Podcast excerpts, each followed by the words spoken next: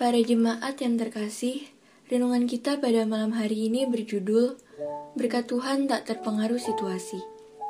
Bacaan kita diambil dari Mazmur pasalnya yang ke-67 ayat 1 sampai dengan 8. Untuk pemimpin biduan dengan permainan kecapi, Mazmur, nyanyian. Kiranya Allah mengasihani kita dan memberkati kita.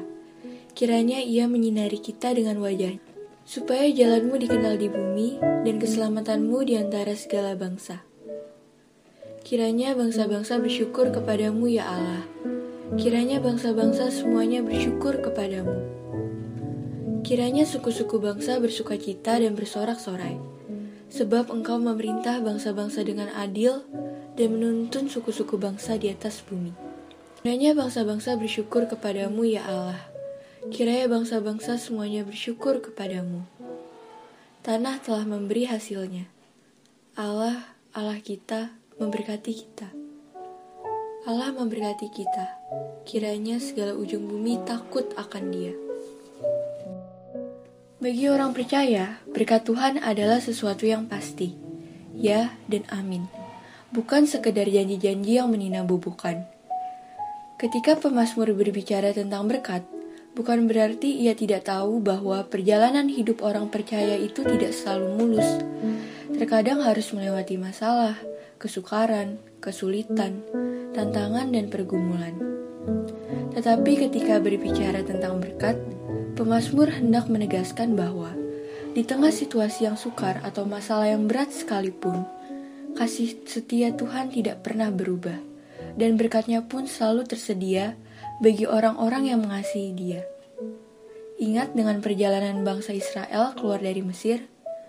Ketika itu orang Mesir, segala kuda dan kereta Firaun, orang-orang berkuda dan pasukannya mengejar mereka dan mencapai mereka pada waktu mereka berkemah di tepi laut, dekat Pihahirot di depan Balzefon. Secara kasat mata, mustahil bangsa Israel bisa lolos dari kejaran pasukan Firaun karena di hadapan mereka terbentang luas laut Daberau.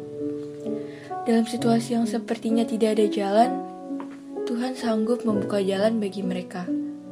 Dengan kuasanya yang dahsyat, Tuhan menguakkan air laut dengan perantaraan angin timur yang keras, membuat laut itu menjadi tanah kering. Maka terbelahlah air itu. Demikianlah orang Israel berjalan dari tengah-tengah laut di tempat kering. Sedang di kiri dan di kanan mereka air itu sebagai tembok bagi mereka.